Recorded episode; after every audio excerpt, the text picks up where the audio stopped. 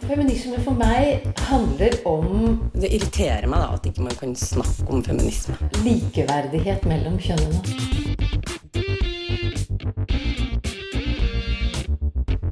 Det blikket på kvinnen på film. handlet det om å bli tatt på alvor som jente. Du hører på Et eget rom på Radio Nova. Det eksisterer en utbredt oppfatning i Norge om at det er kvinnens grunnleggende rett å bestemme når hun vil ha barn, og hvor mange barn hun vil ha. Men hva når en kvinne ikke vil ha barn? Hvorfor er det så mange som bare er nødt til å bry seg akkurat da?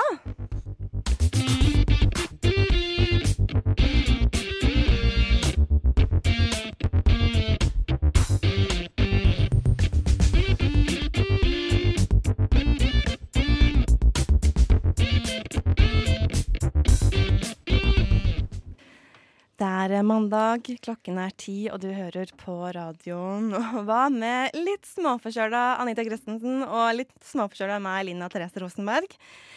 Hvordan er liksom morgenrøsten, eh, Anita? Nei, jeg er litt forkjøla, så jeg skal gjøre så godt jeg kan likevel. Bra, bra. Eh, jeg tenkte vi kunne introdusere noen begreper Ja. noen, eh, når vi er helt eh, på starten her. Eh, litt gammeldags, men jeg tror de aller fleste har fått høre en eller annen gang i livet om at den eller den er i såkalt lykkelige omstendigheter. Ja, Yes. babylykke Babylykke. Den har ikke gått forbi et eh, sånn stativ med ukeblader på butikken. Og så bare wow! Til lykke det, Om det så er liksom A eller jeg vet ikke om det er F-kjendis lenger, men altså det er liksom mennesker man aldri har hørt om hvis man ikke er veldig i den populære kulturelle bobla. Og så bare Å ja, de har barn, så fint for dem at Ja, vi må vite det. Men én ting er jo alle som har barn, og at de er så lykkelige. Man blir så lykkelig av å få barn, men det er jo ikke alle som vil ha barn. Nei, det er jo ikke det. Hva gjør man da? Nei, Da får man ikke barn, da. Ja, nei. Eh, vi vet faktisk veldig lite om eh, dette med, med hvor mange som ikke vil ha barn. Men det kom noen tall som ble presentert i fjor. Eh, da var det tall fra 2017. Eh, og i løpet av én generasjon så har tallet på barnløse voksne gått ganske kraftig opp. Og i 2017 så var én av seks kvinner eh, de hadde ikke født barn innen de var 45 år. Det er tall fra Folkehelseinstituttet. Og så vet man ikke hvor mange av disse som er frivillig barnløse eller barnfri. Ja, det er det, da. Men basert på noen spørreundersøkelser så tror man at mellom 5 og 10% av disse kvinnene de har valgt selv å være barnefrie. Eh, og så ble det gjort en svensk undersøkelse for sånn ca. ti år siden, så det er ganske gamle tall. Men av de uten barn, så var det da 5% av kvinnene i alderen eh, under 34 år, og 5% av mennene under 36 år som ikke ville ha barn. Eh, og av gruppen kvinner 34 til 40, så var det 20% som ikke ville ha barn. Og 25% av menn 36 til 44 år. Mm. Så det er jo sånn mellom 5 og 10 da, er ganske sånn uh, Ja. greit anslag, egentlig. ja, det er jo det. Vi skal snakke om ganske mye forskjellig i denne eh, timen. Litt sånn om politikk, og litt sånn historie, og litt uh, hva man får høre hvis man ikke har barn, hva man ikke burde si til de som ikke har barn. En eh, ganske god blanding. Før vi kaster oss ut i dette her eh, temaet, så kan vi starte litt eh, med litt musikk. Benny Sings han er egentlig nederlandsk. Jeg skal ikke forsøke å uttale hva han egentlig heter. Men det første bandet han var med i, det het The Lowboat. Og han har spilt live eh, i den parisiske lokalradioen Radio Nova. Eh, så her på Radio Nova i Oslo så får du natt en natt. Benny Sings eh, hørte du her på Radio Nova. Eh, du hører altså stemmen til Lina Rosenberg som er sammen med Anita Kristiansen. Og eh, temaet i dag det er barnfrihet, eller det å ikke ha barn. Og nå skal vi høre et klipp fra Karin Bernt. Hun er svensk. Jeg har en egen YouTube-kanal, og der har hun snakket litt om det med å være barnefri. I just took having children for granted. It wasn't even a choice. It was just something that you do, something that happens to you, and it's not an active choice that you make, which is kind of backwards in my opinion. Very often, not having children is the active choice that you make, and having children just kind of happens. The norm in society, you're kind of told and brought up to want to have kids. It's what society tells us to do. And that norm is so freaking strong that it never occurred to me that I don't have to have kids. And once I realized this, I felt like I had like such a weight lifted off my shoulders. Du hørte stemmen til Karin Bernt, eh, som snakket om dette med å være barnefri på sin YouTube-kanal 11. januar i år, etter at hun var med i en svensk podkast faktisk, om eh, dette med barnefrihet. Og det er jo så stort eh, tema, egentlig. Jeg har tenkt litt på eh, det her de to siste ukene. Og det er jo litt som en sier, at samfunnet læres jo opp fra vi er små jenter, at fremtiden det er å, å få seg mann og barn. Ja. Og det er livet, egentlig. Det er jo egentlig det. Det er liksom det som er meningen med livet, da. Det er liksom å få eh, barn. Og jeg syns det kan virke litt som at verdien til mennesker, men da spesielt kvinner, da, er grunnet liksom i reproduksjon. Mm. Jeg leste Eller jeg var jo lette i sånn avisarkiv, og der fant jeg fra en eh, liten lokalavis i Østfold eh, i 2011, hvor de skrev om dette med mm, både frivillig og ufrivillig barnløshet.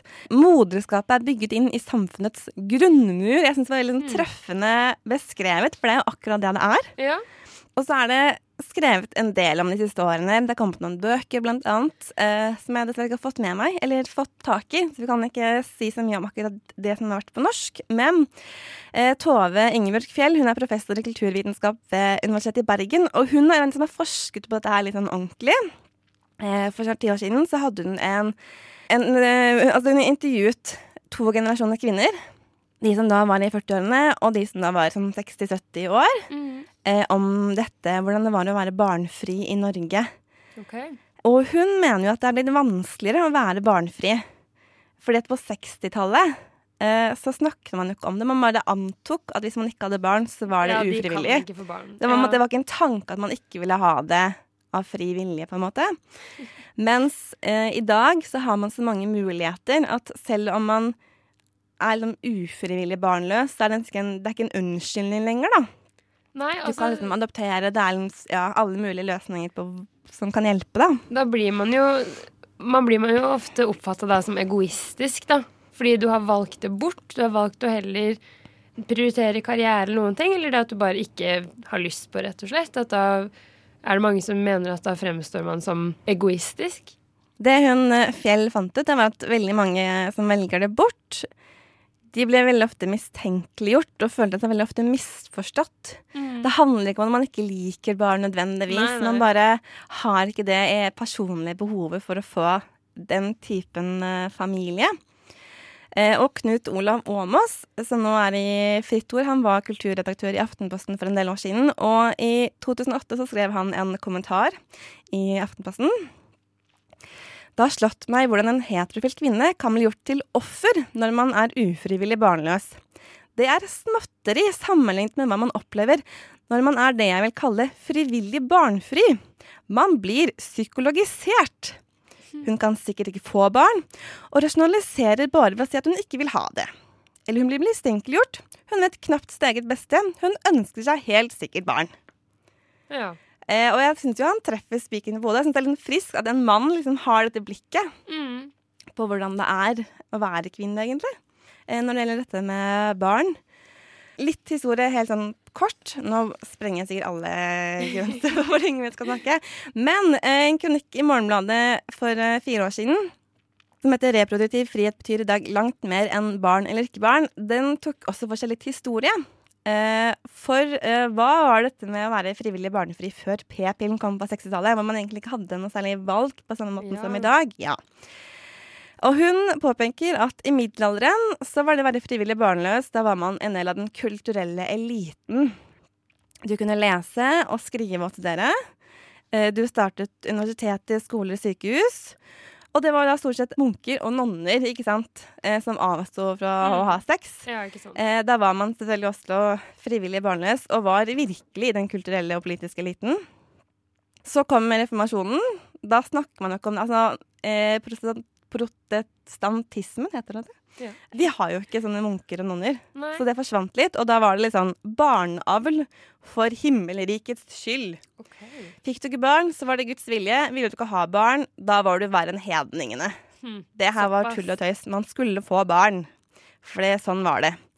Eh, og så dukket det her med å være barnløs opp igjen på slutten av 1800-tallet, med feministene, særlig de borgerlige feministene. Og som blir jo litt sånn seksuelt suspekte kvinner eh, sett på sånn. Eh, for da var det jo sånn at moderskapet gjorde en kvinne til en kvinne.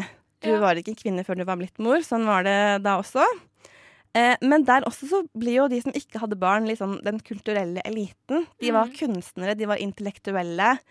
En av de mest kjente, det er kvinnesaksaktivisten Katti Anker Møller. Eh, og hun ville jo heller bedre kvinners kår i samfunnet. Og gjorde enormt mye for fattige kvinners eh, rettigheter og seksuelle helse og barn. Ja. Så dere som ikke vil ha barn, eh, dere måtte Det er i toppen. Ja, Det, det er elitetenkning er her. Det er jo eh, litt interessant å tenke på. Nå må vi hoppe videre til en eh, ny sang fra vår A-liste. Arise og Yet Hope med låta On Repeat. We're still on rip, we're still on rip. Litt sånn lekent og jazzete hørte du der. On repeat. Du hører på et eget rom som i dag snakker om barnløshet. Og for eh, noen år siden så var Anette Lippestad hun var i Her og nå på NRK P1 og snakker om dette med å være barnefri. Og vi skal høre litt om det hun fortalte i det intervjuet. Jeg har bare alltid visst at jeg ikke hadde lyst på barn. Det har bare vært sånn bestandig. Det virker litt unaturlig at det skal være noe tema hvorfor jeg ikke vil ha barn i det hele tatt. Du blir kalt eh, ikke av mange, men det er noen som mener det er egoistisk å ikke få barn.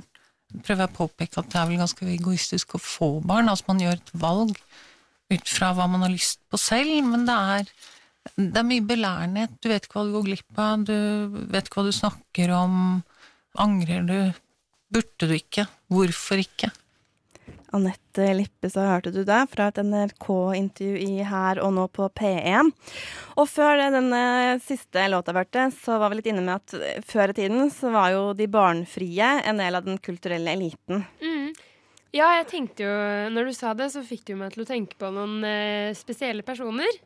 Eh, fordi det er mange som mener at barn er meningen med livet. Da har du liksom et meningsfylt liv.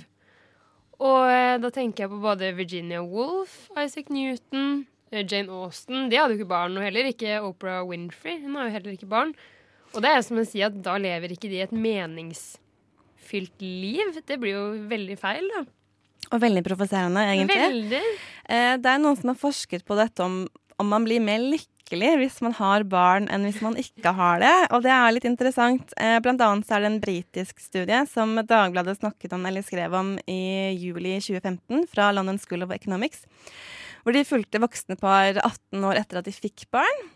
Og da fant de ut at foreldrelykken var liksom på topp året før og året etter at barnet ble født. Mm.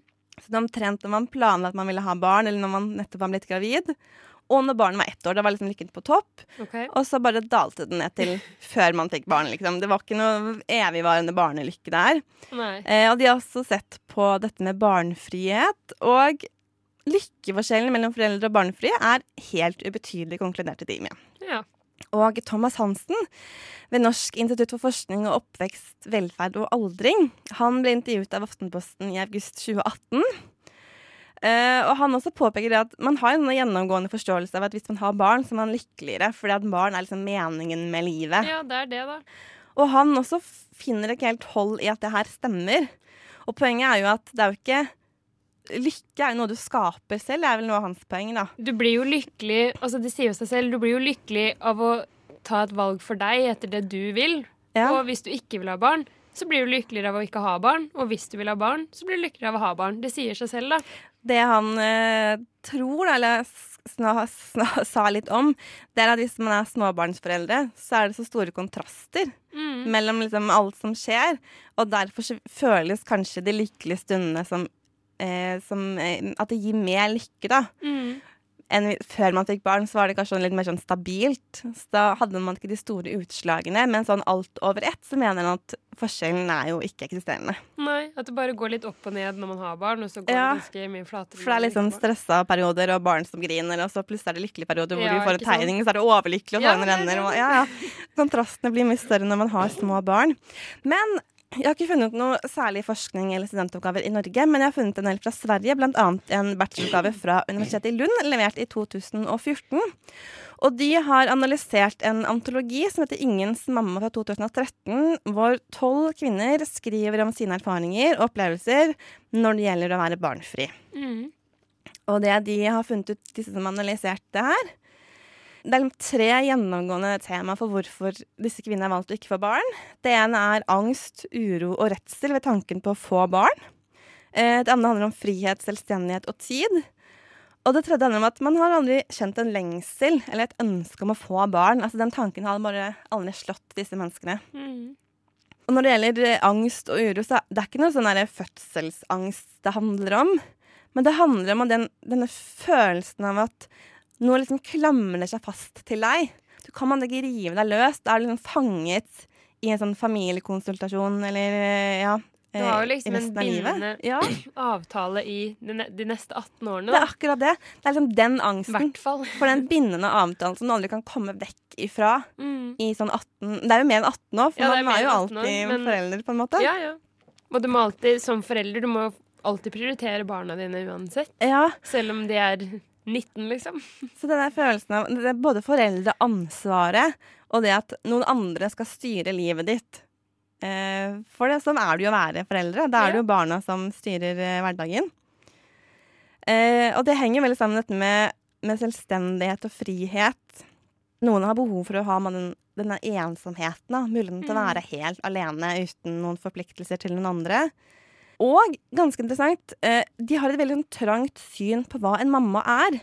Altså En mamma er liksom er lik det her. Ja. Og de føler ikke at de passer inn i den tanken på hva en mamma er, da.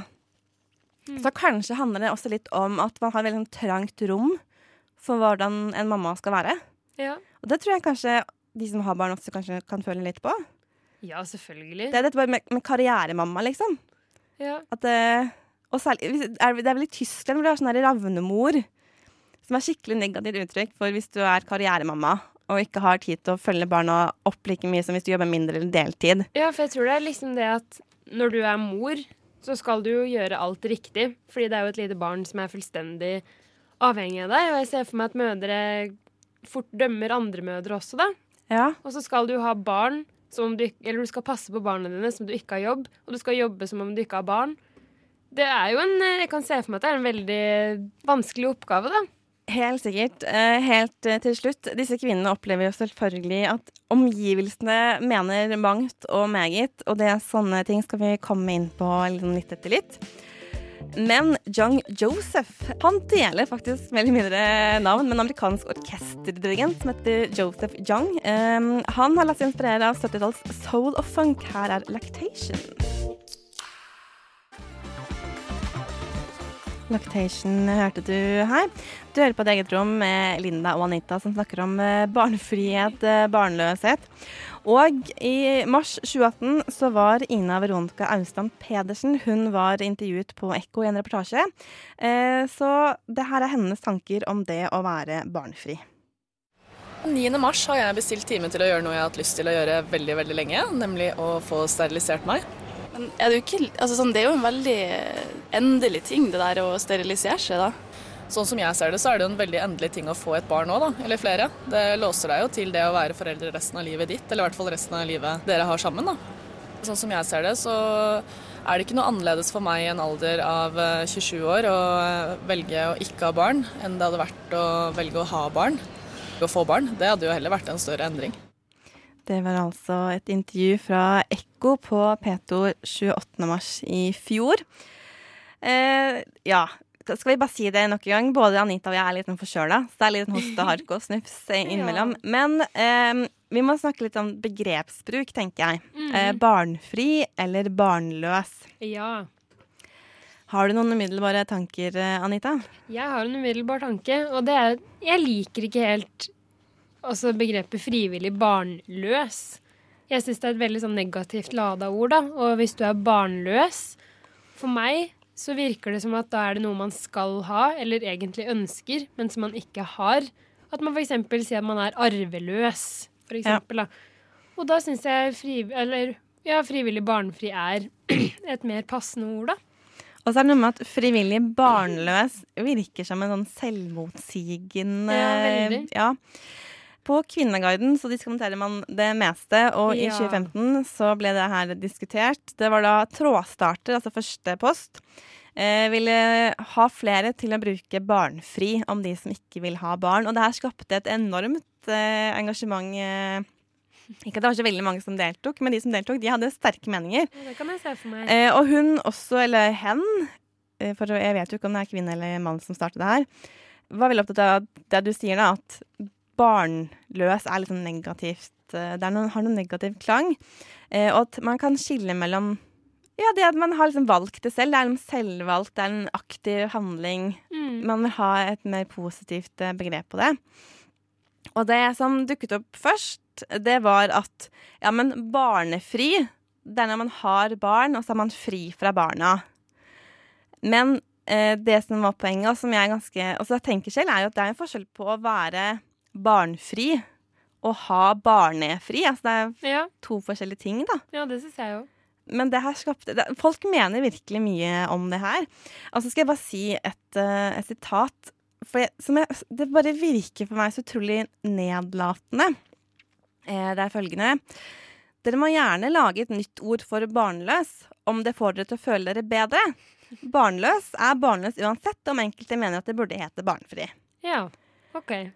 Og det er litt sånn takk for forståelsen. Ja, virkelig. Det er, jeg syns det er skikkelig nedlatende. Veldig.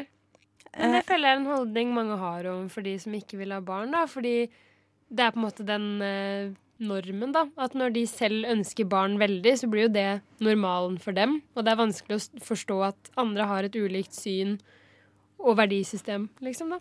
For når man leser om dette med å være barnefri, så det som ofte går igjen, er at man, opp, man møter mennesker som tar det her som en stor personlig fornærmelse. Ja.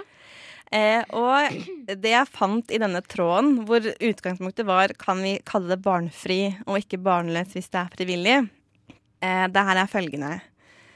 Man er jo barnløs, blir som å gå på Nav, bidrar ikke til samfunnet. Ikke noe å skryte av. Og det er litt sånn eh, Nei, det var, eh, hvor kom det herfra? ja. Og denne personen mener altså senere at man bidrar til stagnering av utviklingen i samfunnet. Ingen barn, ingen fremtid. Barnløse skal bare snylte på, vi opp, på alt vi opparbeider oss og bidrar med. Bidrar med. Skamme seg. Ja, skamme seg. Og til slutt barn er fremtiden. Det er investeringen vi gjør for at Norge skal bestå. At du ikke ønsker å bidra, betyr vel i grunnen at du kan finne deg en egen liten øy. Du ønsker jo ikke å bidra med noe i samfunnet. Så da skal de som ikke ønsker barn, da skal de bruke livmoren sin som en tjeneste for å øke befolkningen. Altså, Det er da din plikt. Og så, og så skjønner man jo at de som får barn, de får jo ikke barn fordi at samfunnet skal gå videre. Nei, Altså, det det er har jo- aldri hørt noen si det. At, nei, det var grunnen til at vi fikk barn. Det er jo ren egoistisk handling fordi at man selv har lyst til å få en familie. Selvfølgelig. Eh, og noe annet som jeg også har hørt flere ganger, det er dette med at ja, men hvem skal ta vare på deg når du blir gammel? Og det er jo ikke gitt at hvis du får barn, så skal de ta vare på deg når du blir gammel. Nei. Tenk om man ikke liker hverandre, eller tenk om barna dør før deg. Og forventer du virkelig at hvis du får barn, så skal de alltid bo i umiddelbar nærhet? Skal ikke de flytte til en annen by eller et annet land fordi de skal ta vare på deg når du blir gammel? Og det er jo det man kan kalle egoistisk, da. Ja. Istedenfor at du er egoistisk hvis du ikke får barn. Det er jo egoistisk å få et barn og forvente at ah, de skal ta vare på meg, og da skylder de meg livet sitt, på en måte. For det tror jeg også er noen som folk føler på, da. At hvis ikke jeg får barn, så får jo ikke mine foreldre besteforeldre. Og det tror jeg det er mange som har dårlig samvittighet for å Og det- tenke på. Burde jo ikke være sånn. Nei, ikke i det hele tatt. Og jeg tenker at alle foreldre vil jo at barna deres skal ta et valg som gjør dem lykkelig. Og man skylder ikke foreldrene sine noe bare fordi man tilfeldigvis ble født. Det, for det har man jo ikke valgt selv. Nei, herregud. Det var det jo foreldrene som valgte for deg. Ja. Men nå er vi inne på dette med Nå er vi jo toucher inn på det store samfunnet og det politiske. Og Anne Marie Sunde hun har sett litt nærmere på si, den politiske konteksten, eller denne politikken rundt dette med å få barn eller ikke få barn. Selv om det å få barn ofte blir sett på som et individuelt valg, er det sånn at alle våre individuelle valg kan få konsekvenser på nasjonalt og internasjonalt nivå. Det her gjelder også når du velger å få barn eller ikke, og derfor er det som i alt et politisk aspekt også til dette temaet. Det at Erna Solberg, vår statsminister, valgte å innvie det nye året med å snakke om nettopp dette temaet, er kanskje det tydeligste eksempelet på akkurat det her. Norge trenger flere barn. Samfunnet vårt går rundt fordi voksne tar omsorg for barna, og arbeidsføre sørger for de eldre. De neste tiårene får vi problemer med denne modellen. Vi nordmenn får stadig færre barn. For å opprettholde folketallet må hver av oss kvinner få litt mer enn to barn i gjennomsnitt. I dag er tallet 1,6. Da blir det relativt sett færre unge som skal bære en stadig tyngre velferdsstat på sine skuldre. Erna Solberg valgte altså å snakke om at Norge trenger flere barn, og at kvinner i Norge i dag får stadig færre barn. Dette er ifølge statsministeren problematisk, fordi vi trenger flere barn for å kunne ta vare på de eldre, og vi trenger at folk er i arbeid for å kunne opprettholde velferdsstaten vår. I tillegg til at kvinner får færre barn, får vi også barn senere enn tidligere, og det her er noe som statsministeren tar opp i sin tale. Det er ikke alle som kan få barn, eller som ønsker å få barn. Av ulike grunner. Og stadig flere venter lenger med å få barn. Også det av ulike grunner. Men venter man for lenge, blir det også vanskeligere. Vi må derfor spørre er det for vanskelig å få barn tidlig. I tillegg til dem som av ulike grunner har valgt å ikke få barn, så er det også dem som ikke har hatt muligheten til det, altså dem som er ufrivillig barnløse. Torgeir Kolshus, som er førsteamanuensis i sosialantropologi, var gjest i NRK i november i 2017, og han mente at det her er mennene som kommer dårligst ut, fordi vi kvinner ikke vil ha barn med menn som har en lavere status enn vår egen. Men velkommen, Torgeir Kolshus. Du forsker også på dette og mener faktisk at eh, det er ofte kvinner velger bort eh, menn med lavere status enn seg selv og vil ikke ha barn med dem. Det er én årsak. Ja, det er én årsak. Eh, for menn og kvinner viser det seg, vil ha barn i like stor grad.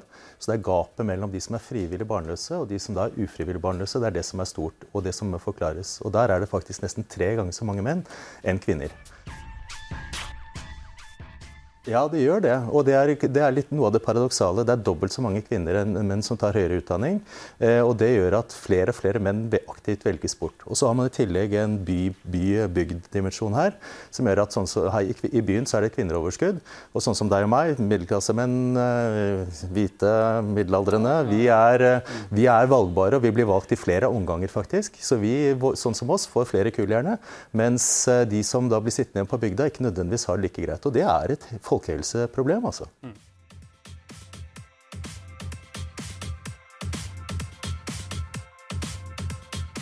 Klima og miljø er nok et tema som Erna Solberg tok opp i sin nyttårstale.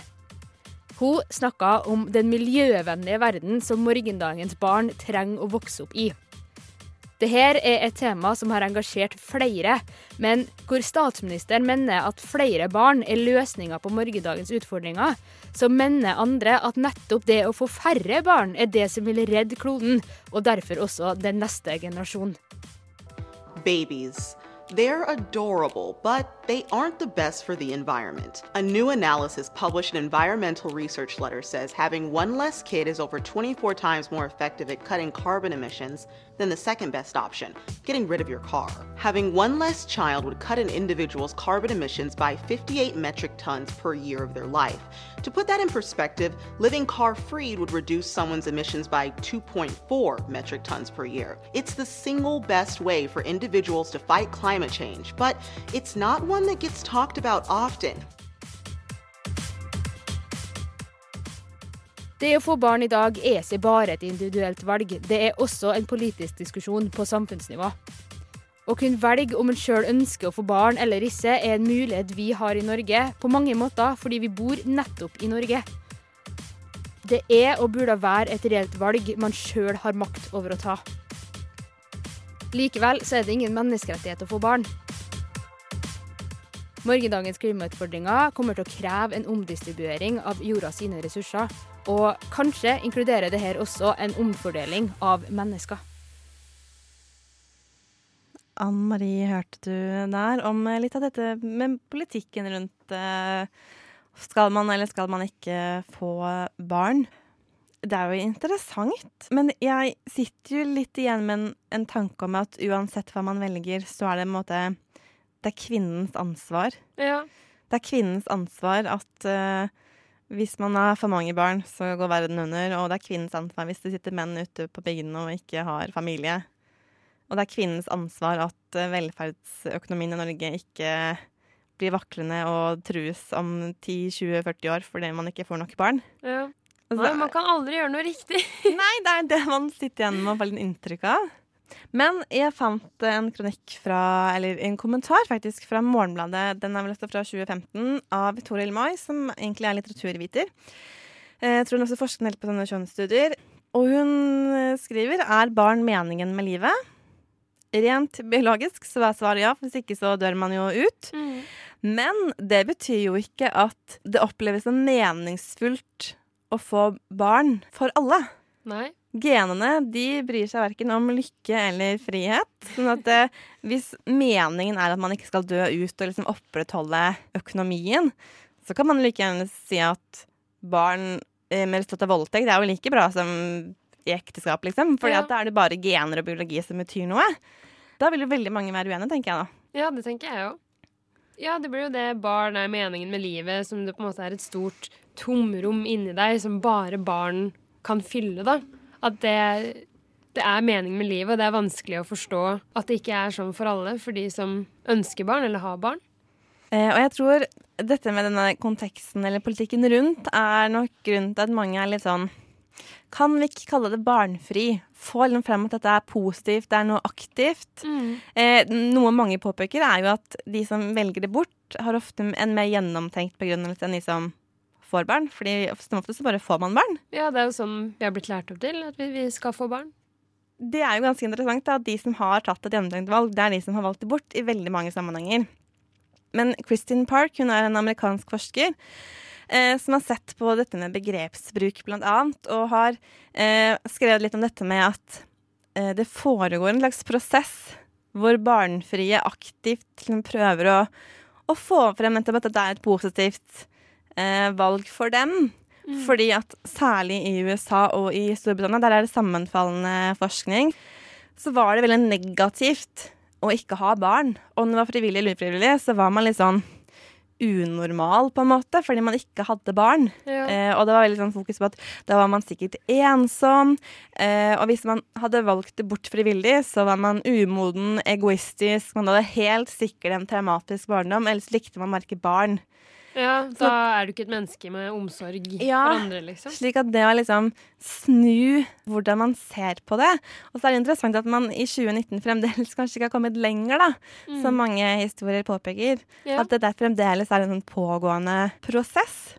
Som vi sa helt, helt innledningsvis, man er jo enige om at det er en grunnleggende eh, rettighet for kvinner å styre hvor mange barn hun vil ha, og når hun vil ha de.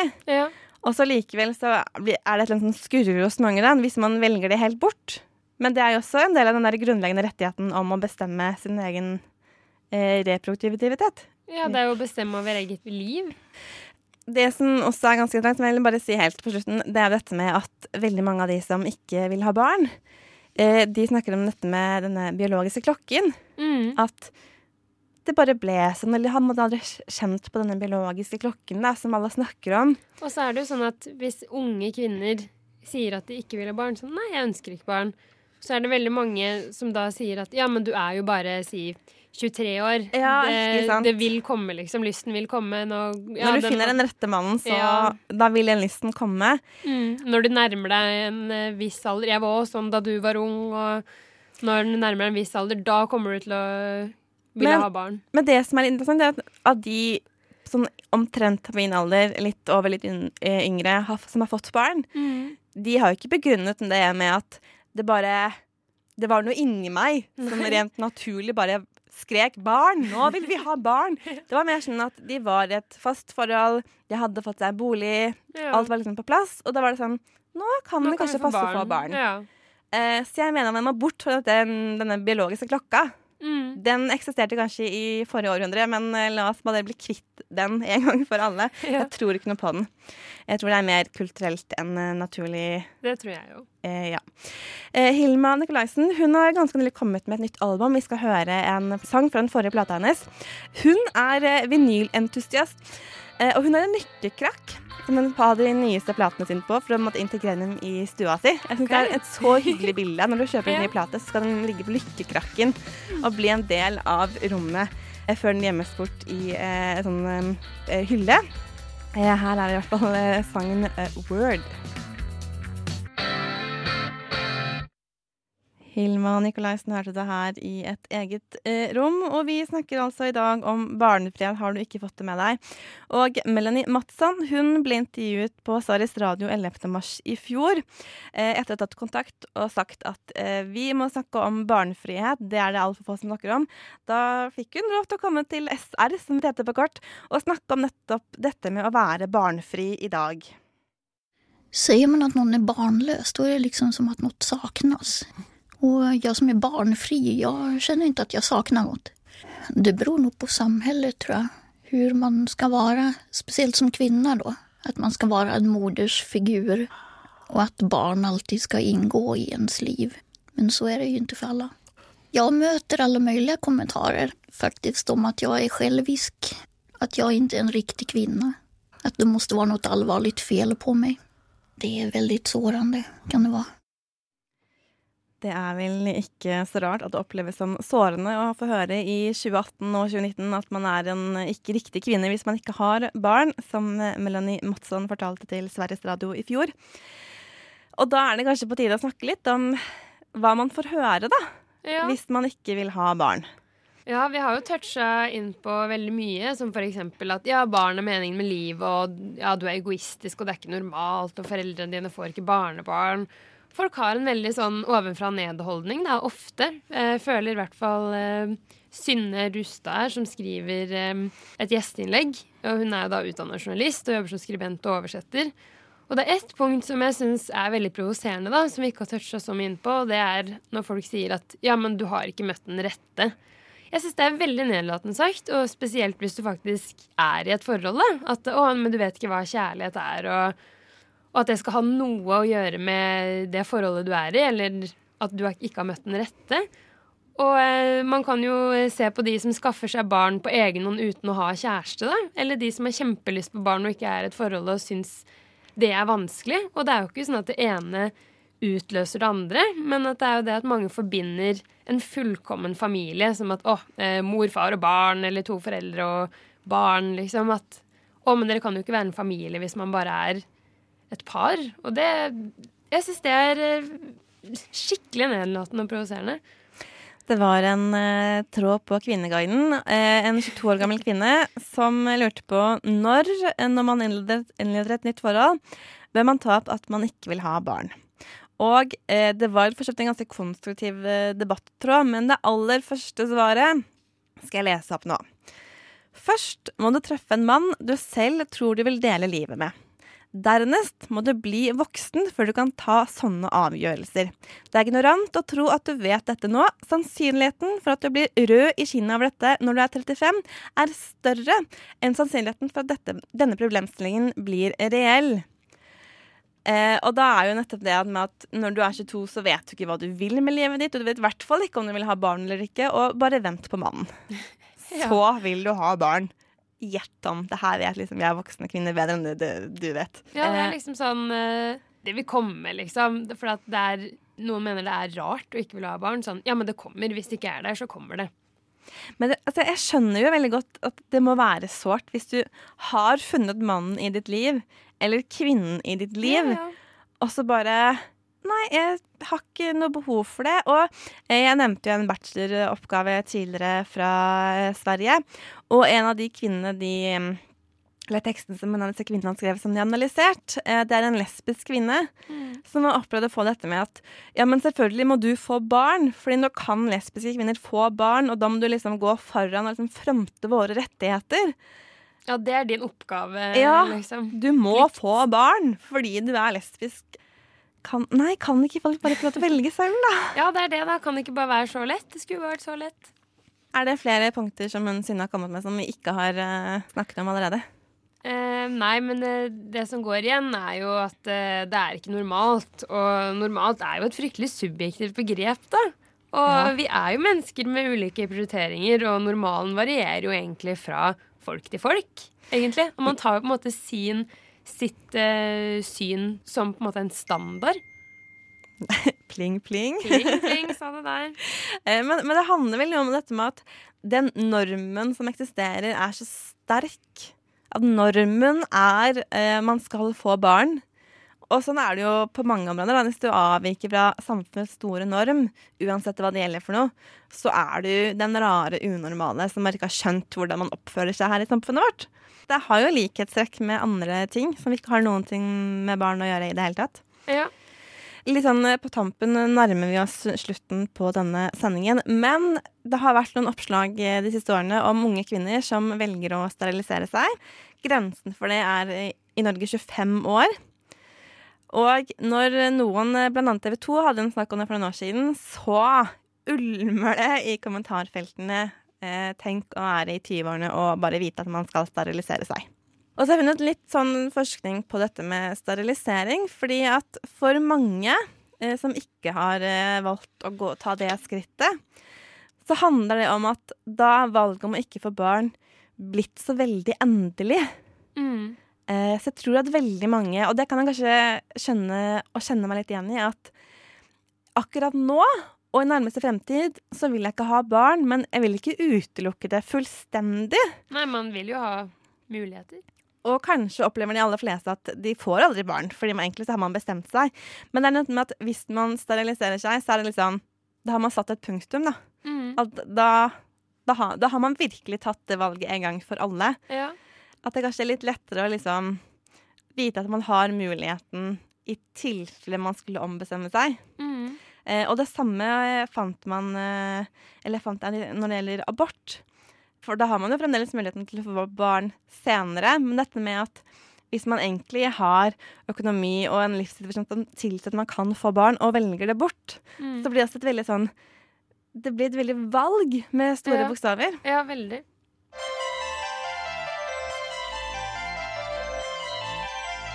I like to joke about the man box, which is like you can only be a man if you fulfill these certain qualities and you stay within this Mhm. square. Du hører på Et eget rom på Radio Nova. Some of the best feminists I know, man. Du har hørt på et eget rom med denne mandags formiddagen med Anita Kristiansen og Linda Therese Rosenberg. I tillegg så har Anne Marie Sunde også bidratt til denne sendingen. Eh, og hvis vi på en måte skal samle noen få tråder helt på slutten, da, så har jeg en opplevelse, eller en forståelse for kanskje mer, at de som ikke velger å få barn, de får en del annen spørsmål som de må liksom de må forklare seg hele tiden. De må jo forsvare valget sitt. Forsvare valget sitt, da. Og da, nå husker jeg ikke hva jeg har lest der, men jeg, jeg har bare skrevet det ned. Det er at eh, ingen stiller spørsmålet som Eller spørsmål som Hvorfor har du to barn? Eller hvorfor har du tre barn? Altså jeg har aldri opplevd noen som må forklare hvorfor de har det antall barn de har. Ja. For det er det ingen som gidder å bry seg med, Fordi da har man barn, så da er det helt Det er greit. sånn det skal være. Men i et klimaperspektiv, for eksempel. Da. Unnskyld meg, du mor her på gata. Hvorfor har du to barn og ikke én, når én er mer miljøvennlig enn to barn? Ja. Men der er vi jo litt inne på det at du aldri kan gjøre det riktig, for da kan man forsvare med at nei, men Erna sier jo at eh, vi skal ha mange barn, og Ja. jeg bidrar til Men det, men det er mer enn det. Slutt å liksom bry deg så mye. Mitt eh, beste tips er la folk få ha kroppen sin i fred. Er det én ting man skal få ha i fred, så er det kroppen sin. Helt, helt enig. Og så syns jeg man skal få lov til å tenke langt inn i hjerterota av alle som er en. Det største i livet ditt er ikke nødvendigvis det største i livet mitt. Nei. Om det er barn eller om det er andre ting, la mitt liv være mitt liv. Eh, slutt å bry deg. Godt sagt. Vi er tilbake om en uke. Da er det den kulturelle 30-årskrisa som eh, litt sånn eh, abstrakt eh, overskrift, kanskje. Litt tentativt. Men det er noe med denne 30-årslinja. Det, det er et skille der, kanskje. Eh, og det skal vi altså snakke om eh, her på Radionova om en eh, uke. Da foreslår jeg at vi pakker sekken og vandrer videre ut i denne mandags snart Ja, ettermiddagen. Er fremdeles litt formiddag. Mirabel in Fielder er en gammel Nova-klassiker, og her kommer den en gang til. Og så kan vi bare si på gjensyn, eller på gjenhør. På gjenhør. Ha det bra. Ha det bra.